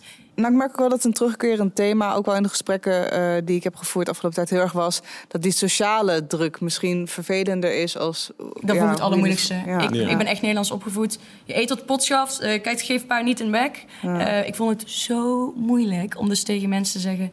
nee, dankjewel. Of als ik in een restaurant was... nou, ik vroeg nooit of ze iets wilden aanpassen aan iets wat ik bestelde. Nou, dat vond ik, pff, dat vond ik echt het allerlastigste, denk ik. Het sociale aspect, inderdaad. Gewoon meer omdat ik niet ondankbaar wilde overkomen. Niet omdat ik me schaamde voordat ik vegan wilde eten... maar gewoon meer... Ja, als dan je schoonfamilie allemaal lekker heel de tafel vol heeft staan. Ja, en ik, dat je vind dan- dit, ik vind dit ook dat heel lastig. vind ik heel, ja. Maar uiteindelijk weet je, ja, mensen wennen eraan en daar moet je gewoon eventjes doorheen. En dan, eh, Door de zure appel heen bijten. Ja, je weet ja, waar het voor doet wel, uiteindelijk. Welke tip eh, zouden jullie aan beginnende vegan sporters willen geven? Ja, ik denk dat wij echt heel anders zijn. Ik ben echt baby steps en volgens mij ben je echt zo, let's fucking go. Ik ben echt van kleine stampjes. Ja, nee, nee, nee, nee, nee. Kleine Ja, kijk, dat- switches dat- dat- maken. ja, eh, maar daar ben ik op, ik ben, daar ben ik enigszins op teruggekomen. Kijk, in het begin, toen ik heel veel mensen, eh, maar eigenlijk vroeg van, oh, ik wil vegan gaan eten, heb ik zo over het algemeen best wel, zeg maar, mijn wereld gelijk ingetrokken. Eigenlijk misschien iets te snel. En nu, eh, zelfs wanneer mensen eigenlijk dat willen, probeer ik ze eigenlijk een beetje terughoudend te houden van, nou, weet je wat, laten we het rustig gaan doen. Laten we eerst gaan kijken, oké, eh, wat, wat ben je gewend om te eten? Laten we eerst één maaltijd aanpassen. Laten we het zeg maar echt Ja. stapsgewijs gaan invoeren. Gewoon omdat het net wat makkelijker is. En ook eh, uiteindelijk als je gewoon vier gaat eten... en je wil heel veel eiwitten halen... en je wilt uit onbewerkt eh, voedsel gaan halen... krijg je heel veel meer vezels binnen. Ja. Heel veel meer dan dat je nu gewend bent. Ik bedoel, ik at altijd nog veel vezels... omdat ik gewoon letterlijk altijd een kwart kilo havermout at elke ochtend. Vraag me niet waarom, maar dat deed ik gewoon. En, dus ik, dus ik, was al, ik was al gewend aan een bepaalde hoeveelheid, hoeveelheid vezels. Maar uiteindelijk, zeg maar, eh, daardoor is bij mij de overstap misschien net iets soepeler geweest. Maar uiteindelijk zijn mijn, zijn mijn vezels alsnog, zeg maar, letterlijk verdubbeld. Eh, dus het was alsnog best wel, zeg maar, heftig. Omdat ik gewoon zoiets had van, ik ga gewoon al in. Ehm, dus ik zou eigenlijk iedereen aanbevelen om echt gewoon stapsgewijs te zeggen van... nou, weet je wel, begin eerst met je ontbijt. Weet je wel, probeer, ga kijken naar van hoe kun je bijvoorbeeld een haafmoutje... eh, ehm, ja, dus nog meer eiwitrijk maken. de vraag inderdaad. Of gewoon in het algemeen. Want ik denk, bij beide is het antwoord eigenlijk wel hetzelfde. Kijk, als Ja. jij iets eet uit standaard, uit gewoonte op de automatische piloot in de ochtend je yoghurt of heb je een beetje melk. Kijk, als, als je het je toch niet zo boeit, als je dat standaard eet, kan je zulke dingen inderdaad langzaam gaan aanpassen. Ehm, persoonlijk heb ik echt er tien maanden over gedaan, waarbij ik eerst dan door de week vegan at, in het weekend niet. Dan nog maar één keer in de week, dan nog maar één keer in de Ja, maand. je hebt het gewoon echt afgebouwd. ik heb het Ja. afgebouwd. Ja, mijn vriend was ook zo'n cold turkey. Maar ik wist gewoon namelijk, als het punt er is, Ja. ga ik ook niet terug. Want ik doe het niet omdat ik wil afvallen of omdat ik gezond wil zijn. Er zit een heel groter geheel achter. En ja, ik ga gewoon eerlijk zijn, ik vond het echt fucking moeilijk. Ja. Maar Dus, nu ben ik je- heel dus eigenlijk zeggen jullie allebei wel, neem gewoon kleine stapjes. Ja. Ja, kleine stapjes. Ga niet te hard. En, want eh, ook voor de mensen om je heen, hè, dat sociale aspect. Eh, het is wel fijn als je van jezelf weet... oké, als ik een keer een maaltijd wel mee eet... ik hoef niet elke keer, als ik op bezoek ben... elke keer inderdaad weer dat verhaal moeten opzetten, dit of dat. Mag, je kan mag je dit wel? Oh, mag je dat wel hebben? Ja, en mensen, ja, weet je, uiteindelijk mensen kunnen gewoon soms judgmental zijn. En het is heel moeilijk. En ik vond, ik nam het ook als heel persoonlijk. Maar uiteindelijk, kijk, zolang jij weet dat je je allerbeste beentje voorzet. En jij met jezelf kan slapen en weet dat al jouw intenties goed zijn. Dat is het allerbelangrijkste at the end of the day. Eh, ik heb nog één vraag. En dat is, zijn er ook vegan eh, sportkledingmerken en zo? Ehm, ik weet er één. Ik weet er geen, maar dat Ik was heeft hier te een maken beetje met... naar aan het zoeken, maar ik kon er niet Oh, van, eh, ken je, hoe heet ze ook weer? Ehm, Grace Beverly. Dat is echt zo'n fit girl. Nee, zeg maar Nou, ik moet niks. zo het is Tala en dat is sustain- sustainable vegan ehm, eh, sportkleding, wat dus ook echt wordt gemaakt, wat dus ook geen fast fashion is, maar ook echt gewoon, ja, dan heb je drie maanden gewoon even niks en dan komt er weer een badge uit. Mhm. Eh, topkleding, love the business. Het is eh, ja echt. En heeft ze ook kleren voor mannen of alleen voor vrouwen? Volgens mij ook voor mannen, maar dat durf ik nou niet te zeggen. Misschien weet Ik weet het niet. Volgens mij- Kijk, ik, ik, heb er sowieso, nog- ik heb er sowieso nog niet echt naar gekeken. Meer in de zin van, ik kijk meer van waar is het van gemaakt. In die, of het in die zin gewoon vegan is. Ehm, Mhm. Ook omdat ik niet heel veel sportkleding koop. Omdat ik echt al heel veel sportkleding ooit al heb gekregen. En noem maar op. eh, vanuit het verleden. Dus eh, ik probeer niet te veel zeg maar, nieuwe dingen te halen. Maar eh, ja, over het algemeen kijk ik meer. Denk ik dat het handig is om gewoon eerst te kijken van... Oké, wat is bijvoorbeeld ja. gewoon vegan qua materiaal? En laat ik daar eens mee beginnen voordat ik ga zoeken naar een eh, vegan brand. Ja, en dat is ook wel lastig, weet je. Want ik heb ook wel eens dubbele gevoelens. Want dan moet ik sportschoenen halen. En dan haal ik dus iets wat puur synthetisch is. Waar dus geen leer of zwer of iets in zit. Maar aan de andere kant denk ik ook, ja... Ook soms plastic verbruik of dit of dat. Er zit altijd wel weer een andere kant aan. Maar uiteindelijk weet ik wel dat ik dat het liefst doe boven eh, iets anders. Ook al zijn er mensen die zeggen, ja, leren schoenen gaan bijvoorbeeld langer mee. Dan denk ik, ja, weet je, dat doe ik maar een jaar met mijn schoenen. Ja. Ehm, maar je ziet wel dat er veel meer merken echt up-and-coming zijn. eh, wat duurzaam is. Dat is bijvoorbeeld Dr. Martens en Ja. shit. Dus daar ben ik echt super blij mee. Heb ik toevallig aan. Ja, ik wil zeggen, is die aan, hè? Ja. Ja. Eh, Giel is eh, aan- weer aan de bar komen staan, dus je hebt vast vragen. Nou ja, nee, maar het valt me. Ik ben echt, ik ben echt helemaal, eh, helemaal onder de indruk van wat jullie erover zeggen. Want ik had nog best wel veel. Ik bedoel, ik, ik eet voornamelijk vegan, maar ik kom er toch ook niet aan de indruk onttrekken dat als je toch die waardes meet, dat je toch denkt, ja, maar wacht eens even, eh, eh, er gaat niks boven een kippetje. Hè, qua, qua lage koolhydraten, hoge eiwitten, al die shit. Ja. Maar dat hebben jullie allemaal gedebunked. Ja. Maar da- daarom Dus we ook hebben je gewoon gebombardeerd met informatie. Ja, maar dat is ook het feit. Hoezo koolhydraten? Ik heb het gevoel, mensen denken echt even van koolhydraten... Dat je die meer niet moet hebben, opslaat ja, En ja. dat je inderdaad van vet te vet wordt. Nee, uiteindelijk energy balance, gewoon calories in versus calories uit... zijn gewoon leidend. wel of niet het eerste wet van thermodynamica. Ja. Gewoon energie kan niet uit niks ontstaan en het moet altijd omgezet worden. Het is gewoon letterlijk de basis of de Dus basics. het moet er zijn om spieren te je maken. kan Ja, ja. letterlijk Ja. fucking ja, superveel afvallen als je Snickers eet. Niet doen natuurlijk, hè? Ja, maar, je maar- En maar in het Als tekort je maar- zit, inderdaad, en je kan op sla, kan je vet aankomen. Ja. Moet, je, moet je best als je maar doen. voldoende sla ja, dat kan. je moet echt Maar heel toch, weet je wel, en ik- dan weet ik niet eh, wat, wat die mensen bezielt. Ook wel mensen die er verstand van hebben. Die Die, mensen. toch, nou ja, die toch altijd wel blijven zeggen... Ja, oké, het is goed voor het milieu, het is lief voor de dieren... maar voor je eigen gezondheid heb je dit echt Ja. wel een beetje nodig. overtuiging. Het is, ja, weet je, Kijk, ik, ik, denk, ik denk dat het natuurlijk... eh, er zijn verschillende onderzoeken, weet je wel, die gaande zijn, die steeds weer opnieuw uitkomen. Ook eh, onderzoeken die best wel biased zijn in de zin ik van... wil, ik wil, die ik wil hier worden- echt iets over zeggen. ja. Ja. Die, die, zeg maar door bepaalde eh, industrieën worden Ja, gevangen. tuurlijk. En dus ook bepaalde eh, ja, resultaten laten zien. En zo was er bijvoorbeeld ook een tijd geleden een onderzoek eh, over ei. En over dat cholesterol dus geen effect had op je eigen cholesterol. Alleen in dat onderzoek hebben ze, is dus gevangen door de egg industry, zeg maar. En die hebben dus letterlijk mensen gepakt die dus al zo hoog in hun cholesterol zaten... dat het extra ei per dag geen effect meer had op hun cholesterol. Want uiteindelijk buigt zeg maar, het effect af. Dus het wordt steeds minder naarmate hoe, hoe hoog je eigen cholesterol al is... aan de hand van, ja, Maar weet je, dus wat, eet. weet je wat ook is? Kijk, wij als mensen, en dit is al sinds we gewoon bestaan... wij, wi- wij vinden het fijn om in een groep te zijn. Want als jij in je eentje bent, ga je niet surviven. You will fucking die. Dus we houden van, hey, je hebt de crossfitters, de bodybuilders... de ketofanaten, de paleofanaten, de vegans... Uiteindelijk is het zo moeilijk om dan bias te zijn. Want je ziet toch, als je in een groep zit, is het toch van... oké, dat van ons is net iets beter dan van jullie. Mhm. Ja, en je ja, ziet dus dat mensen ook echt wetenschappelijk onderzoek gaan zoeken wat eigenlijk hun geloofsovertuigingen Ja. onderbouwt. Precies. In plaats van dat ze inderdaad echt kritisch gaan kijken, heel nieuwsgierig blijven en open-minded blijven. Ik zeg altijd, ik weet niet alles. Ik heb niet de antwoord op alles en ik wil gewoon leren. En als ik er uiteindelijk achter kom dat ik het fout heb, dan own ik dat. Dan en is dan, dat zo, ja. weet je, dan zet ik dat ook gewoon om. Ik heb het gevoel dat mensen Te Denken graag dat ze gelijk altijd- willen hebben of zo. Ja, dat graag zeg maar, willen weten dat ze iets weten. In plaats van dat ze gewoon kunnen zeggen: Oké, ik snap het niet. En- leer mij. En mensen zijn ook gewoon bang, heb ik het gevoel soms. Net alsof het niet oké is om van gedachten te veranderen. Terwijl het, het is super oké om van gedachten te veranderen. ja. Als jij erachter staat en je weet wat goed voor jou is, moet je dat vooral doen. Ik vind dat er juist kracht in staat. Maar heel veel, vaak als we iets zeggen, als ze stoppen met roken of, of ik ga vegan eten, je bent zo bang. hè, Wat al die mensen om jou heen je op de vingers gaan tikken. Maar uiteindelijk, jij mag gewoon van gedachten veranderen. Dat is helemaal oké. Daar heb je je recht toe. Nou, ik vind het heel mooi dat je dat zegt. Ja, Ja. Ja. Wauw, echt eh, heel inspirerend. Eh, en het triggert ook weer, omdat eh, dat is waar Koekeroe sowieso over gaat, heel vaak dat je gewoon denkt, ja, neem gewoon niet die makkelijke weg. En dat zijn precies de dingen alleen die jij zei over sociale druk en moeilijk en En bacon ruiken. En dat je dan denkt, fuck. Nee, Ja. In het begin. In het begin en dan- ja. Nou moet ik zeggen, hier eh Mama Gaia rook het laatst heel erg zo, maar dat was gewoon omdat ze ja, Maar met een- tegenwoordig, het is ik bedoel. Ja, vijf jaar geleden had je alleen tofu en tempeh. En Ja. nu ruik Ja. ik een Beyond Meat burger en dan denk ik, oh yes, let's fucking go. Ja, ja, ja, precies. Nou ja, en da- da- daar zeg je wat. Want als je daar kijkt naar de waarde... ik ben daar toch best wel een beetje gefascineerd door... sinds ik in een sportschool binnenliep. Ja, dan eh, is het helemaal te gek. Daar, Mhm. Ja. kan, daar kan niks tegen op. Ja, zeker. Nee, ja, super inspirerend. Ik ben vooral benieuwd, maar misschien is het nog te vroeg, Naomi... eh, hoe, hoe jij, nou ja, om te beginnen... of je al wat gemerkt hebt. Ik, eh, ik heb dat de hele tijd in de intro gezegd.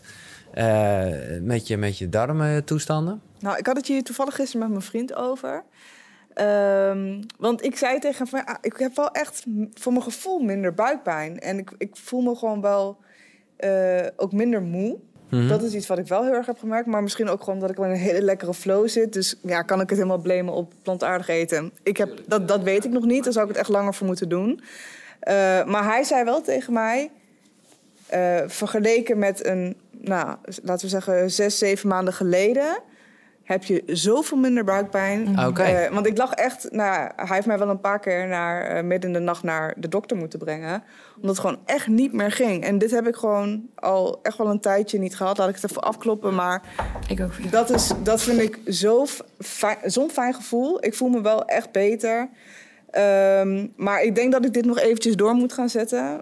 En dan dat ik over iets langer termijn pas echt kan zeggen of het eh, invloed heeft gehad. Ja. Ehm, maar tot nu toe ben ik er gewoon super tevreden over. En eh, ja, ik ga het absoluut. eh, ja, ik heb nu zoveel geleerd ook hierover in de afgelopen vier afleveringen. Ik ga nu voorlopig echt nog niet terug. En ik. eh, Maar ben je ook niet bang voor wat? Dat, dat herken ik namelijk ook wel een beetje van mezelf. Ik ben gewoon ook heel erg zwart-wit. En dan denk ik op een gegeven moment, Ja, nou, nu ben ik er vol voor gegaan. Ja. Heb ik het toch niet gehaald omdat ik het niet durfde te zeggen. Of omdat ik gewoon toch dacht, nou oké, eitje.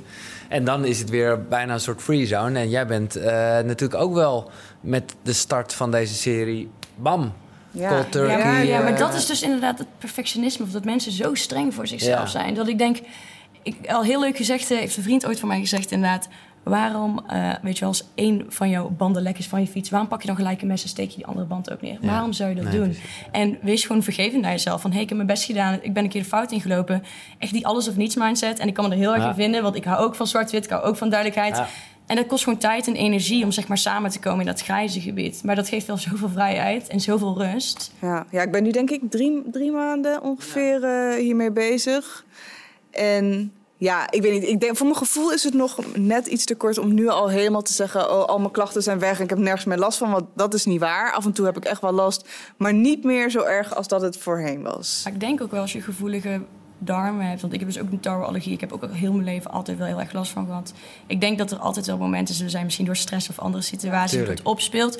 Maar ik denk wel, echt dierlijke producten zoals vlees en zuivel, dat zit zo lang in je systeem. Ja. Dat gaat nergens over. Nee, dat, dat heb ik Oh, echt wel man. jaren geleden, hè, toen ik glazen huisdingen deed en de hele week sapjes dronk. En dan hadden ze ge- gezegd, nee, je mag echt geen vlees. En dacht ik, nou, eh, het zal wel meevallen. Oh, je hebt gelijk daarnaast gezegd. Nou, niet meteen daarna, maar dan toen heb ik wel echt gevoeld van, oh, dat is echt niet oké. Nee. Dan voel je Een echt. blok. dat ja, zo'n blok ja, nou, dat is Dat is precies dat is dus mijn gek. gevoel altijd. Alsof je een blok beton... Ja. Ja. Heel zwaar. Je voelt je heel zwaar. Dat is echt een ding. Je, ik dat is, voel me dat is heel wel heel licht. trouwens dat je dat zegt. Want Ja. heel veel mensen Zeggen zeggen dit. dus, vooral mannen zeggen... Als ik vlees heb gegeten, dan voel ik me vol. Weet je toch, dat geeft me echt een volgevoel alsof ik echt heb gegeten.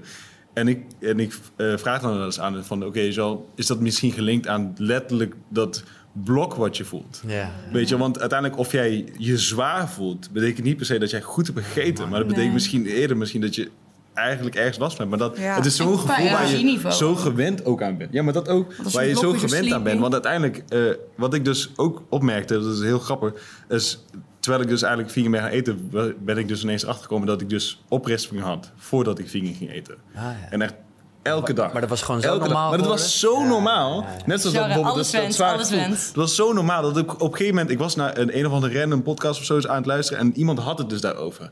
En ik denk, holy shit, dat is, dat is weggaan bij hem. Maar dat is ook weggaan bij mij. Maar dat had ik nog helemaal niet door. Omdat ik gewoon... Het was gewoon de normaalste Nee, zaak van de wereld. ja. En het was geen eens niet meer. Maar ja. Ja, dan wil ik toch nog even iets vragen wat mij ook wel is opgevallen. Eh, maar misschien is dat ook iets dat went. Of is dat, eh, hoe zit het met winden laten, jongens? Nou ja, ik denk in het begin dat je dus, net zoals Poeren zei, als je gelijk hè, die diehard huts, Ja, ik ga gelijk overstappen, superveel vezels eten. Ja, dat is wel eventjes eh, Even wennen. heftig. En ik denk dat er ook uiteindelijk, ehm, heel simpel, eh, de psycholoog had het er ook over. Je hebt een bepaalde, zeg maar, eh biome hier, heel simpel. En die is gewend om bepaalde dingen te eten. Ja. En naarmate je steeds meer van een bepaald iets eet, eh, krijg je steeds meer bacteriën. Die kunnen dus steeds beter gaan verwerken. En in principe, hoe minder goed je dus iets kan verwerken, hoe meer wind je gaat laten. Goed je Dus bonen wassen, In trouwens. principe, ja, dat dus ook. Was inderdaad je, Je bonen, bonen wassen. sowieso. Ja, want Niet, niet direct uit het potje, eerst Eerst- eventjes onder de kraan. En dan inderdaad even, want echt het stofje waar het in drijft, zeg maar, dat is Hey, echt wij. dat- dus dat helpt ja, mee. jongens, Zijn was je bonen. Maar los daarvan, als je dus merkt dat je dus ergens misschien meer wind vanuit, weet je, haal iets er even een keer uit of verminder iets een Ja. keer. Eh, eh, weet je wel, misschien ga je super lekker op kidneybonen, maar elke keer als je kikker eet, denk je, Ja. "Oh, eet hoor. Ja. Pak even een paar minder. Ja. En, en, en je kan het opbouwen, hè, want uiteindelijk, als je eenmaal gewend bent om, om beter te kunnen eten, dan, ja, dan gaat het Ik vind het wel tof dat je spijsvertering zo snel gaat. Dat voelt echt ook lekker. Van hoppa, laat Ja, maar ik wil naar de wc ik kan gaan. echt drie Ja. keer naar het toilet op het Ja, Nee, ja. dat begrijp ik. Maar dat vind ik top. Nou, Ja, dat, maar dat- eh, nee, maar ja, dat wil is- ik ook nog. Ja, Ja, maar dat is, dat is, dat is echt, dat is. Ja. uiteindelijk in het begin denk ik, oh, dat wil ik niet, maar uiteindelijk denk ik, oh, dat is eigenlijk wel chill. ja. Ja, maar ik schrik ook als ik soms... men- Ik vind het echt heel sneu als ik soms hoor dat mensen één keer in de week naar het toilet Ja. gaan. Nou, Ja. dat is voor mij Dat- veel. Ja, dat bedoel ik. Ik, ik wist niet dat dat echt zo... dat eh, ik dus mensen heb gehoord die dus, dat, dat zeggen ook, die dus ook heel erg last hebben, zeg maar, mentaal. Dat ik ook denk van, oké, weet je wel, het gaat wel echt samen. En ik moest er gelijk aan denken toen ik ook een dus stress, de podcast aan het luisteren was, toen ik hier naartoe ging. Eh, eh, weet je wel, van die Ja. psy- eh, via een psycholoog. Dat ik dacht van, oh, weet je wel, dat is wel echt zo erg gelinkt. Inderdaad, ik wist het wel, maar ja, het Nooit wordt, dan even bevestigd. Ja. Inspirerend, jongens. Ja, Naomi, eh, we blijven het er ook gewoon volgen via jouw social media. En eh, ook zeker wel via Koekeroe. Eh, ontzettend bedankt. En wie weet dat er nog een andere Naomi's niche gaat Ja, zijn. dus ja, oproepje voor de mensen thuis. Als je nog leuke dingen hebt waarvan je denkt, deze moet je eens onderzoeken. Ik eh, sta ervoor open. Ik vond het een zeer geslaagd experiment. Ik bedank Mama Guy natuurlijk eh, voor de fantastische omgeving. Ik ga er echt een keer eten. Het is helemaal top. En dus plantaardig, maar dat mogen duidelijk zijn. En We Tell Stories voor eh, licht, geluid, beeld. Alles top geregeld. Thanks Sander, echt eh, heel nice. Eh, jullie bedankt voor het luisteren. Eh, laat vooral iets achter in de reacties. En graag tot de volgende. Zonnegroet. Hoi. Hoi!